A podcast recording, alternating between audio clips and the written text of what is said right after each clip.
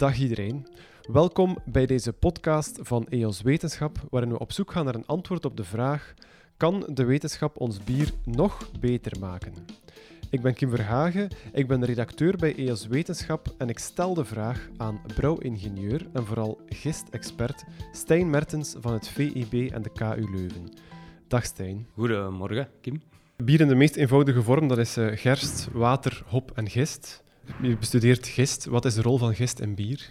Ja, gist is echt superbelangrijk voor bier. Zonder gisten is er geen bier. Waarom? Gist gaat eigenlijk de suikers in het wort dat de brouwers gaan maken initieel, de suikeroplossing, gaat die suikers omzetten naar voornamelijk alcohol en CO2. Dus twee componenten die sowieso wel tot bier behoren.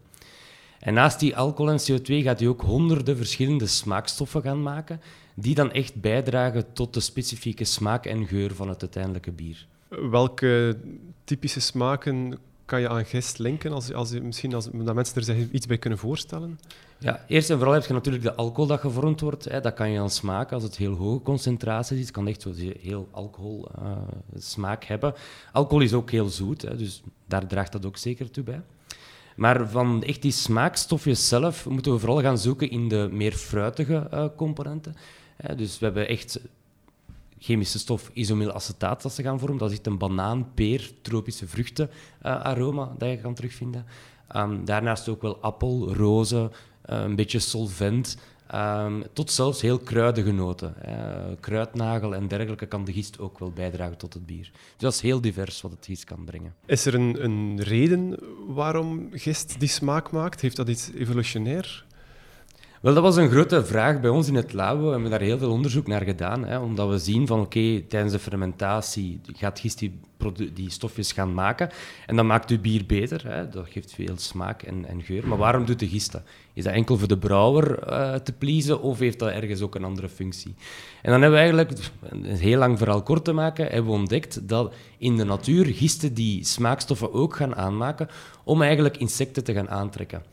Uh, waarom zou gist dat doen? Wel, als gist bijvoorbeeld aan het groeien is op een bepaalde plaats, op druiven of maakt nu niet uit waar, op een rottende appel.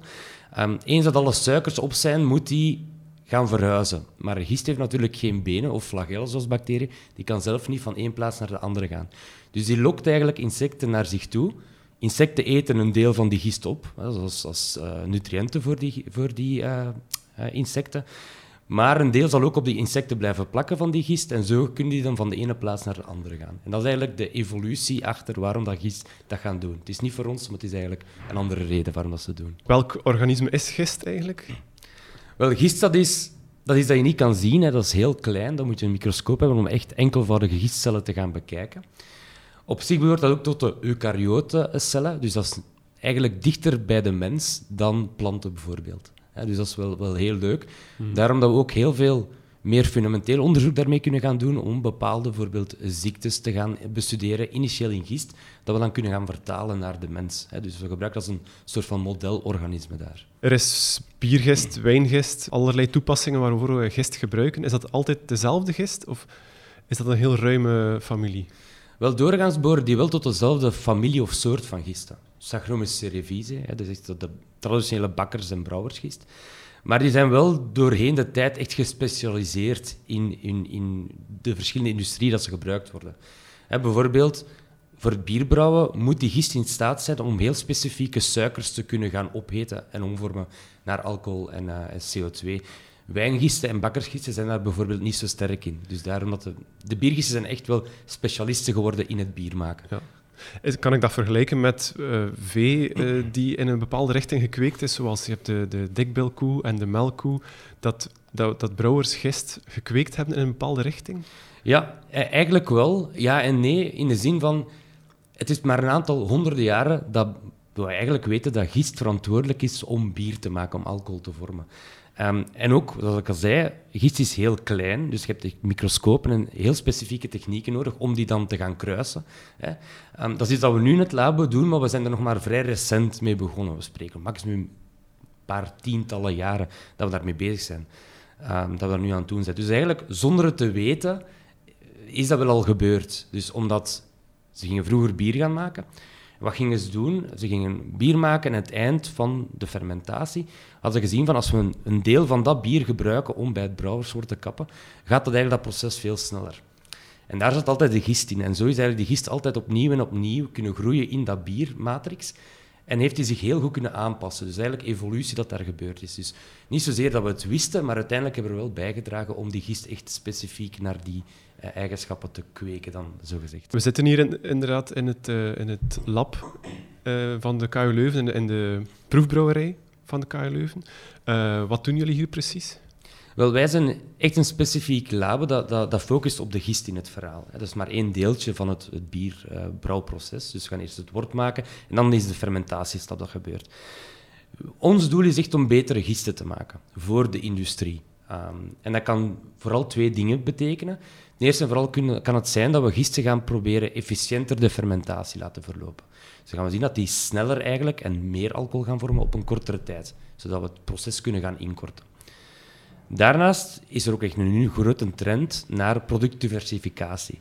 Dus wat gaan wij doen? Wel, wij gaan nieuwe gisten gaan selecteren of echt gaan kweken, uh, zodat die nieuwe aromacomponenten of andere verouderingen van die bestaande aromacomponenten gaan vormen tijdens de fermentatie. Zodat je eigenlijk door een nieuwe gist of een andere gist te gaan gebruiken een compleet ander bier gaat krijgen. Ja. Je had uh, enkele biertjes die jullie zelf gebrouwen hebben, als ik het goed versta, meegebracht om eens te proeven, om eens uh, ook aan te tonen wat het uh, werk van gist in, in het bier is. Dus ik stel voor dat we dat nu misschien eens doen. Ja, inderdaad. Hè. Dus we hebben hier um, twee verschillende bieren bij, die in, de brouw, in onze testbrouwerij gebrouwen zijn.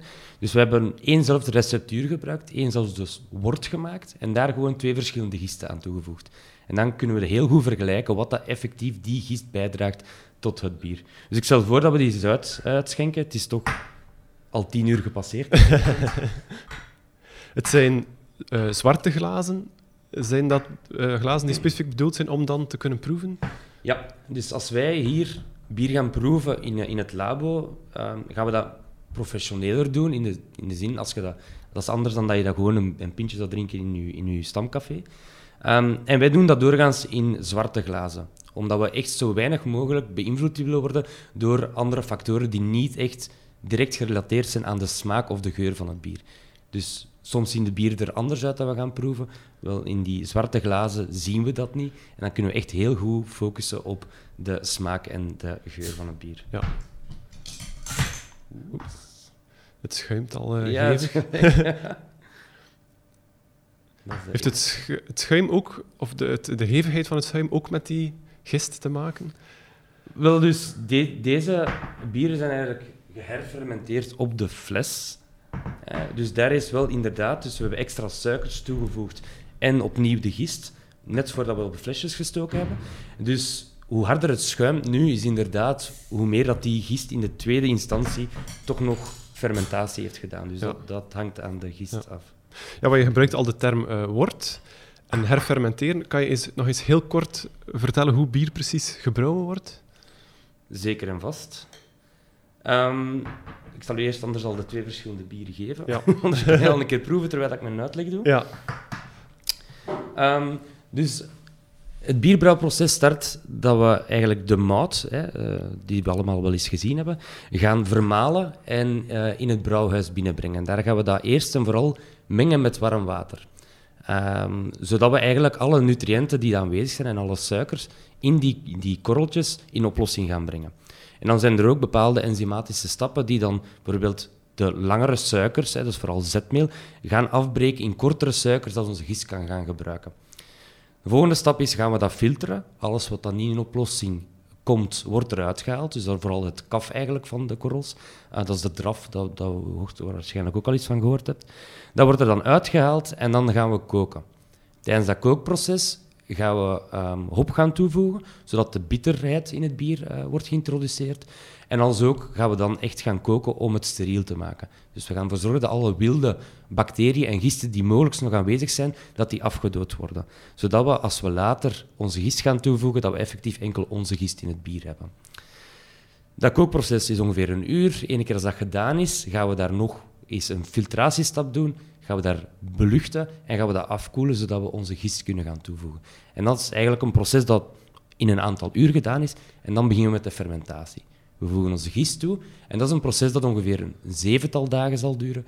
Terwijl dat al de gist eigenlijk alle suikers gaat opeten, fermenteren noemt dat dan. En uh, om gaat zetten naar alcohol, CO2 en al die smaakstofjes. Ja, ja. oké. Dan heb ik hier nu, je hebt nu de twee glazen, de twee biertjes uh, uitgeschonken. Welke bieren zijn het? Het is een soort van uh, saisonbier, um, een, een, een, ietsje donkerder bier.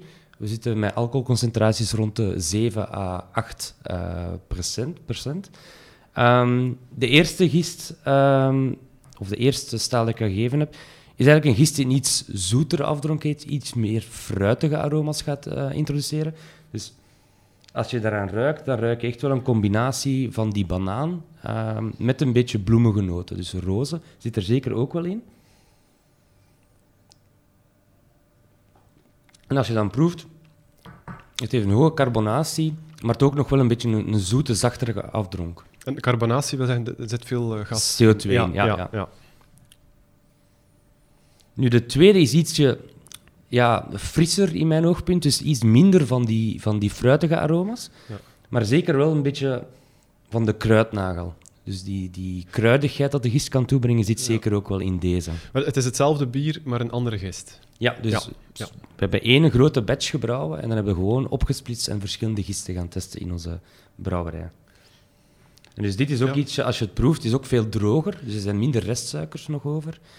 Um, omdat dat ook een heel speciale gist is, die tweede, die kan dan nog een keer specialere, langere suikers ook nog eens gaan omzetten naar alcohol. Dus die heeft ook meer alcohol gevormd en ook iets meer uh, carbonatie. ik merk wel een duidelijk verschil tussen beide. Ja, ja dat is de kracht van gist, dat we hier proeven. En de, deze gist, bijvoorbeeld dit voorbeeld nu, is dat een opdracht van brouwers of gaan jullie uit eigen initiatief naar betere gisten zoeken die je dan aanbiedt aan brouwers? Dat is een beetje alle twee. Dat, dat valt te zien hoe dat, uh, hoe dat het gaat. Inderdaad, we hebben veel onderzoek dat we gewoon doen uit wetenschappelijke interesse. Daar komen dan soms nieuwe gisten uit, dat heel veel potentieel tonen voor de industrie, dat we dan kunnen aanbieden.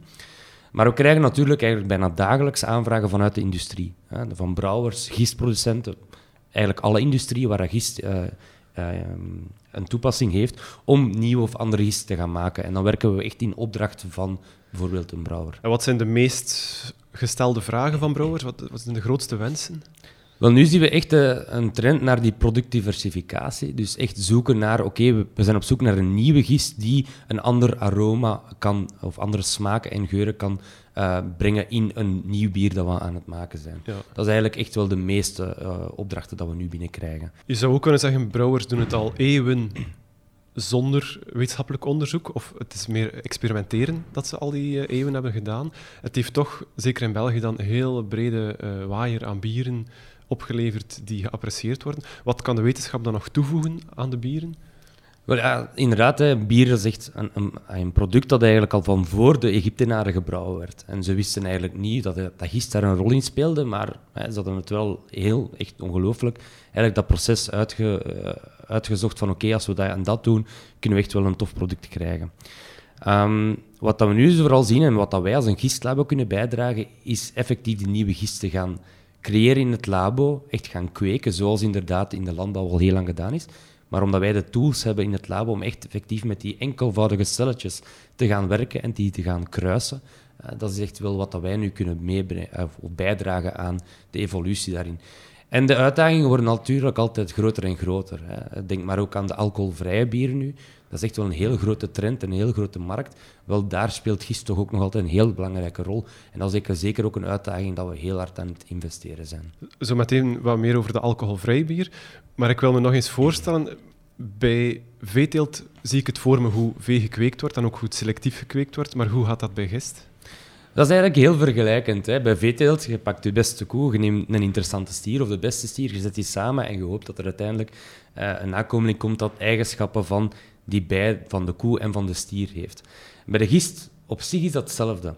Dus we hebben duizenden gisten in onze uh, collectie hier, die ervan dat we allemaal weten welke eigenschappen dat die hebben.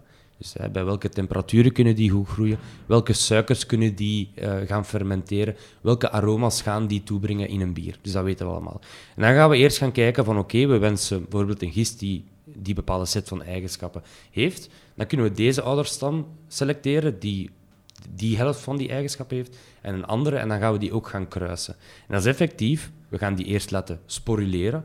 Uh, die gaan sporen vormen.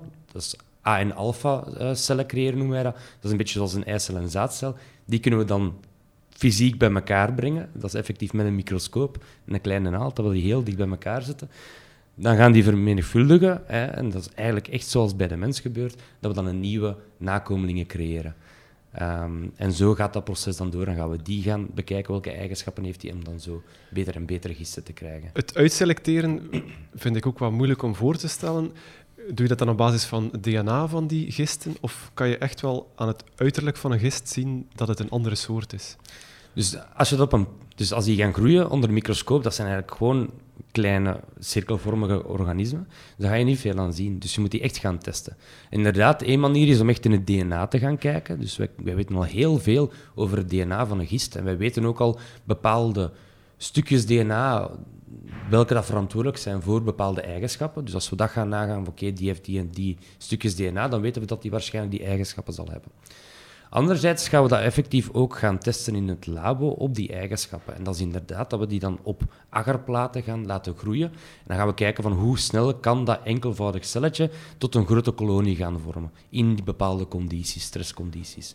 Of effectief in, dan spreken we over 100 milliliter fermentaties dat we in het labo doen, dat we die gisten dan laten fermenteren en dan echt met allemaal een batterij van uh, toestellen gaan meten wat dat die gist effectief heeft bijgedragen tot uh, het aroma van dat bier dat er dan uitkomt, of hoe snel dat die bijvoorbeeld de fermentatie heeft kunnen uitvoeren. Zo proberen we dat heel mooi in kaart te brengen. En van het nageslacht van die gisten, of, of als je een, een, uitbreiding doet van het aantal uh, gisten, dan ga je er met elk van die gisten brouwen en dan ga je het resultaat proeven. Ja, inderdaad. Hè. Nu, het is zo dat als je gaat kweken, hè, is het altijd heel moeilijk om te gaan voorspellen welke eigenschappen uiteindelijk in de nakomelingen gaan gecombineerd worden. Dat is zo bij een koe en een stier ook, of bij onszelf. Je, je kent uw vrouw, ik ken mijn eigen. Maar wij konden niet voorspellen hoe dat ons kind er ging uitzien. Um, en dat is zo bij gisten ook. Nu, het voordeel bij gisten is dat het heel makkelijk is om echt miljoenen nakomelingen te maken in bijvoorbeeld één week tijd. Dus wij kunnen echt miljoenen nakomelingen maken. En dan gaan we eerst in het labo, omdat we daar echt robots hebben, al een eerste selectie opvoeren. Want we kunnen natuurlijk geen miljoen verschillende bieren gaan maken. Dan gaan we eerst bepaalde belangrijke eigenschappen gaan testen. Kunnen ze snel groeien bij hogere alcoholconcentraties? Uh, uh, kunnen ze die belangrijke suikers gaan omvormen naar alcohol en CO2? Dat gaan we eerst na van die miljoenen nakopelingen. En dan gaan we eigenlijk naar minder en minder gaan. Echt de belangrijkste, de beste kampioenen er al uitselecteren. Zodat we ongeveer uiteindelijk met een tiental verschillende gisten zitten, die dat we uiteindelijk dan naar onze testbrouwerij brengen om dan effectief tien verschillende bieren te gaan maken. Ja. En dan pas kan je echt goed bekijken van oké, als je die gist gaat gebruiken om dat type bier te maken, krijg je zo een bier. En dan proeven jullie het net zoals wij net gedaan hebben, in zwarte glazen, ja, met een, een, aantal onderzoekers? Ja, we hebben uh, ehm, 15 onderzoekers in het labo die ook een, een, een, training hebben gehad om een professionele biertaster te zijn. Dat is super natuurlijk. Hè? Ja. um, dus wij zijn getraind om echt specifieke componenten in het bier te gaan herkennen en te gaan scoren. Dus is dat meer of minder van die component. We gaan natuurlijk van de, de, wat alles wat van de mout komt, van de hop, maar echt de focus bij ons ligt natuurlijk op wat komt er van die gisten in het bier. Ja. Dus dan gaan we een, altijd een serie van verschillende uh, bieren hebben. Iedereen ziet afzonderlijk in een kotje. Je krijgt je, tasting sheet, daar is ongeveer een 24-tal parameters dan moeten gaan scoren per bier. En dan ga je die allemaal doorlopen. En zo kunnen we daar ook wel een soort meer objectieve... Uh, mening van vormen van die gist. Omdat je kan honderden verschillende chemische componenten echt gaan meten in het labo. Dat gaan we ook altijd wel doen. Maar dat is echt nog niet alles, uiteindelijk, hoe dat het product is. Dus je moet nog altijd echt gaan proeven en dan pas kan je goed een inschatting maken wat dat de smaak en de geur van het bier is. Ja, omdat je zelf proeft, met een, ook al is een team van 15 personen die los van elkaar zitten, het klinkt ergens toch een, nog altijd een beetje subjectief. Zou je dat kunnen volledig objectiveren met een soort robot die uh, de bieren test en uh, quoteert? Er is zeker uh, veel onderzoek aan de gang naar. Ehm, en ook, wij zijn daar ook mee bezig, echt met artificiële intelligentie. Dus dat we eigenlijk op basis van alles wat we kunnen meten, dus ah, ik spreek over honderden, in totaal eigenlijk meten wij, kunnen wij bijna 300 verschillende componenten gaan meten in een bier. En we hebben eigenlijk nu al een model dat heel goed kan voorspellen van oké, met die chemische samenstelling heb je zo'n bier, en het gaat zo ver zelfs al, dat we kunnen met ongeveer een 80% zekerheid gaan voorspellen of dat mensen dat bier graag gaan hebben of niet. Dus we zijn daar wel nog aan het werken, maar dat staat nog niet op punt. Dus in de toekomst zie ik dat zeker wel naar daar evolueren. Maar zolang dat dat nog niet op punt staat, hebben we nog altijd wel ons, ons proefpanel uh, nodig. De brouwers waar, waarmee jullie samenwerken, zijn dat de, de grote spelers uh, in België, buitenland? Dat is heel uiteenlopend. Dus inderdaad, we werken met de grootste brouwerijen ter wereld samen. Uh, over de wereld ook. Hè. We zijn niet alleen in België, maar in China, in, in Amerika, overal waar, hebben we wel projecten lopen. Maar we werken ook samen met de kleine brouwerijen hier. Omdat wij als universiteit dat ons toch een beetje als onze taak zien om ook de lokale biercultuur te ondersteunen en te helpen. dus dat gaat van echt heel kleine brouwerijen tot bijvoorbeeld de trappistbrouwers, trappistenbrouwerij, Orval, Rochefort, Chimay. Daar werken wij allemaal mee samen om die te helpen om toch altijd een goede kwaliteit van hun bieren aan te leveren aan hun klanten. Ja. Ik heb mij ook laten vertellen dat jullie een, een soort diepvries hebben met zowat alle biergisten ter wereld? Of overdrijf ik nu? Wij hebben een van de grootste gistcollecties ter wereld, zeker en vast. Ja. Um, wij hebben gisten van over de de wereld, van verschillende industrieën. We hebben heel veel biergisten uiteraard, maar ook gisten dat uh, uit de wijnindustrie komen, van de bakkers, um, tot zelfs um, gisten dat we geïsoleerd, of, uh, geïsoleerd hebben in Ghana, in Maleisië, van cacao-fermentaties. dus het gaat heel breed, heel ruim.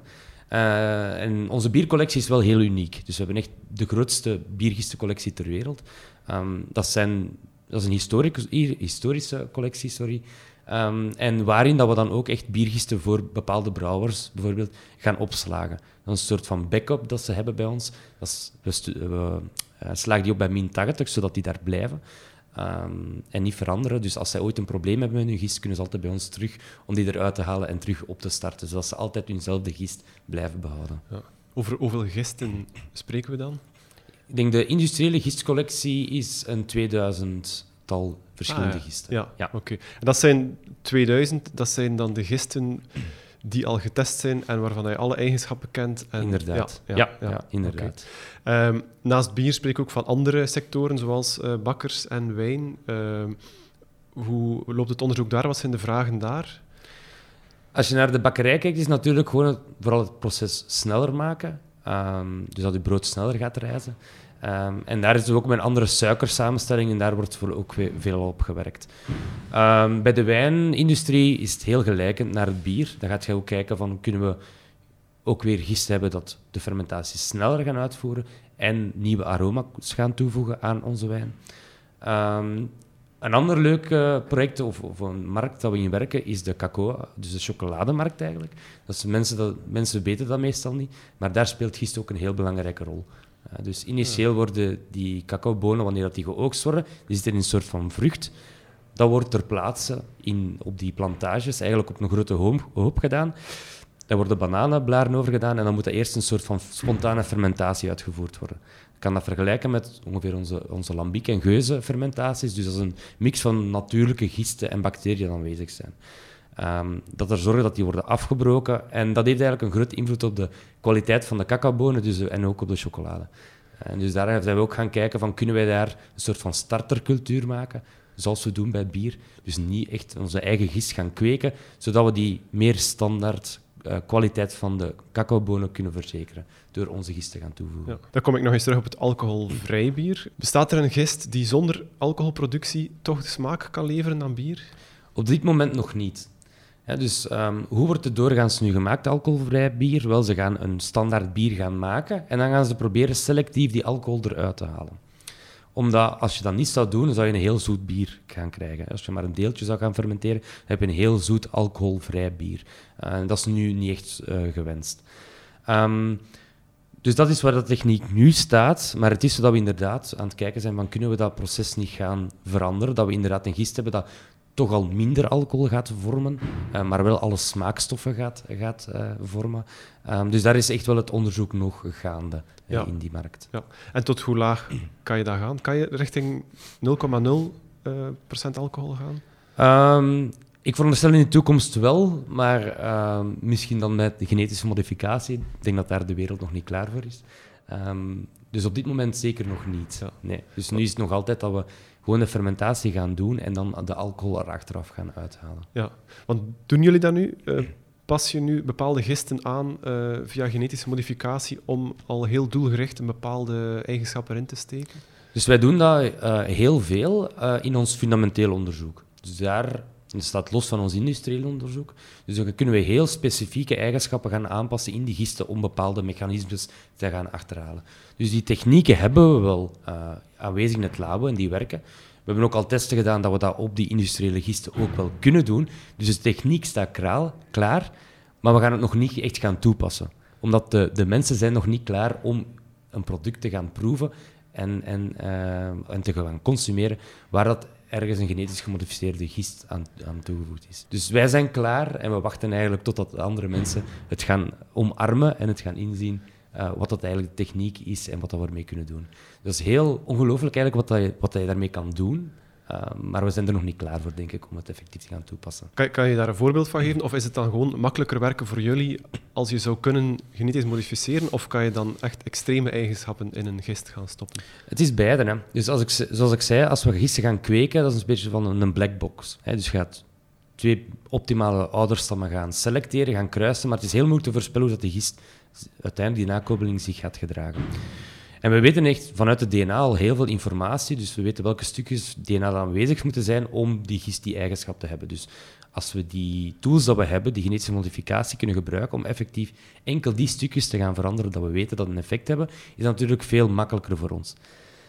Anderzijds is het ook zo dat je heel veel breder kan gaan. Hè. Dus we kunnen uh, nu, wat dat we doen als we gaan kweken, zitten we toch nog altijd gebonden aan wat de natuur ons geeft van eigenschappen van die gist. Dus kunnen we daarmee gaan spelen. Als je genetische modificatie gaat toepassen, kan je breder gaan. Bijvoorbeeld uh, in Amerika is er een brouwersgist zo aangepast dat hij ook bepaalde componenten van de hop gaat vormen. Zodat we eigenlijk geen hop meer moeten gaan toevoegen aan het brouwproces om eigenlijk een, een bitter bier te gaan maken. dus die mogelijkheden zijn er, de techniek is daar, maar we zijn er nog niet klaar voor om dat effectief te gaan commercialiseren. Op iets kortere termijn dan, is het aan de, aan, de, aan de bron of aan het begin van nieuwe smaken of van nieuwe ontwikkelingen in, uh, in de biersector, maar ook in de wijn en chocolade. Wat kunnen we de komende jaren verwachten uh, vanuit die sector? Um, als ik het samen zit met die sector en ik kijk vooral naar de biersector, dan, dan zien we echt een grote trend naar meer lokale producten. Ja, dus daar is zeker een trend aan. Local sourcing noemen ze dat. Ze gaan proberen toch lokale ingrediënten te gaan maken en ook, ze moeten continu nieuwe bieren gaan maken. Dus ze gaan spelen met verschillende mouten, verschillende hoppen, kruiden dat ze gaan toevoegen, maar ook verschillende gisten. Dus ik, ik veronderstel wel dat we gistseries van bieren gaan zien, dat we één bier hebben, maar dan verschillende gisten, en dan zo een mooie serie van verschillende bieren gaan maken. En dan natuurlijk de alcoholvrije bieren. Dat is zeker een trend die zich gaat doorzetten in de toekomst. Er is tegenwoordig ook veel vraag naar het verduurzamen van industriële processen. Ik vermoed dat dat in de biersector ook zo is. Kan gist daar een meerwaarde zijn? Ja, zeker en vast. Hè. En um, dan moeten we zeker denken aan een trend nu binnen de brouwerijwereld. en dat is uh, wat dat zij noemen high gravity en very high gravity brewing. En dat wil eigenlijk zeggen dat ze een heel geconcentreerd bier gaan aanmaken uh, tijdens het ganse proces en dan net voor het afvullen dat gaan verdunnen. Waarom gaan ze dat doen? Wel, als je dat gaat doen, ga je eigenlijk in één bepaalde brouwerij in dezelfde tijdspanne veel meer bieren kunnen gaan maken. Dan ga je veel minder energie en ook water eigenlijk moeten gaan gebruiken per liter bier dat er uiteindelijk geproduceerd wordt. Nu, dat brengt natuurlijk bepaalde uitdagingen mee voor de brouwerij zelf, maar ook voor de gist die dat gebruikt wordt. Omdat ze gaan een zeer geconcentreerd wort initieel aanmaken, heel hoge suikerconcentraties. En dat is een heel stressvolle omgeving voor gisten om in te, te beginnen groeien. Dus we gaan gisten gaan kweken die daartegen bestendig zijn. Dan gaan ze uiteindelijk ook al die suikers moeten omzetten naar alcohol. Dat moet efficiënt verlopen. En die hogere alcoholconcentraties dat ze zelf vormen, is dan uiteindelijk ook stressvol voor de gist zelf. Dus we hebben een soort van supergist moeten gaan creëren die met die um, extremere omstandigheden goed moet omkunnen. En dat hebben we eigenlijk al gedaan in de, de voorbije jaren. Dus we hebben echt die gisten gecreëerd die specifiek voor dat proces uh, ontwikkeld zijn. Dan uh, wil ik u bedanken voor het heel interessante gesprek. Uh, we hebben heel veel uh, interessante onderwerpen kunnen uh, aanhalen. Ik wil jullie luisteraars ook bedanken voor jullie aandacht. Als je zelf een vraag hebt, stel die gerust via www.eoswetenschap.eu of onze sociale media.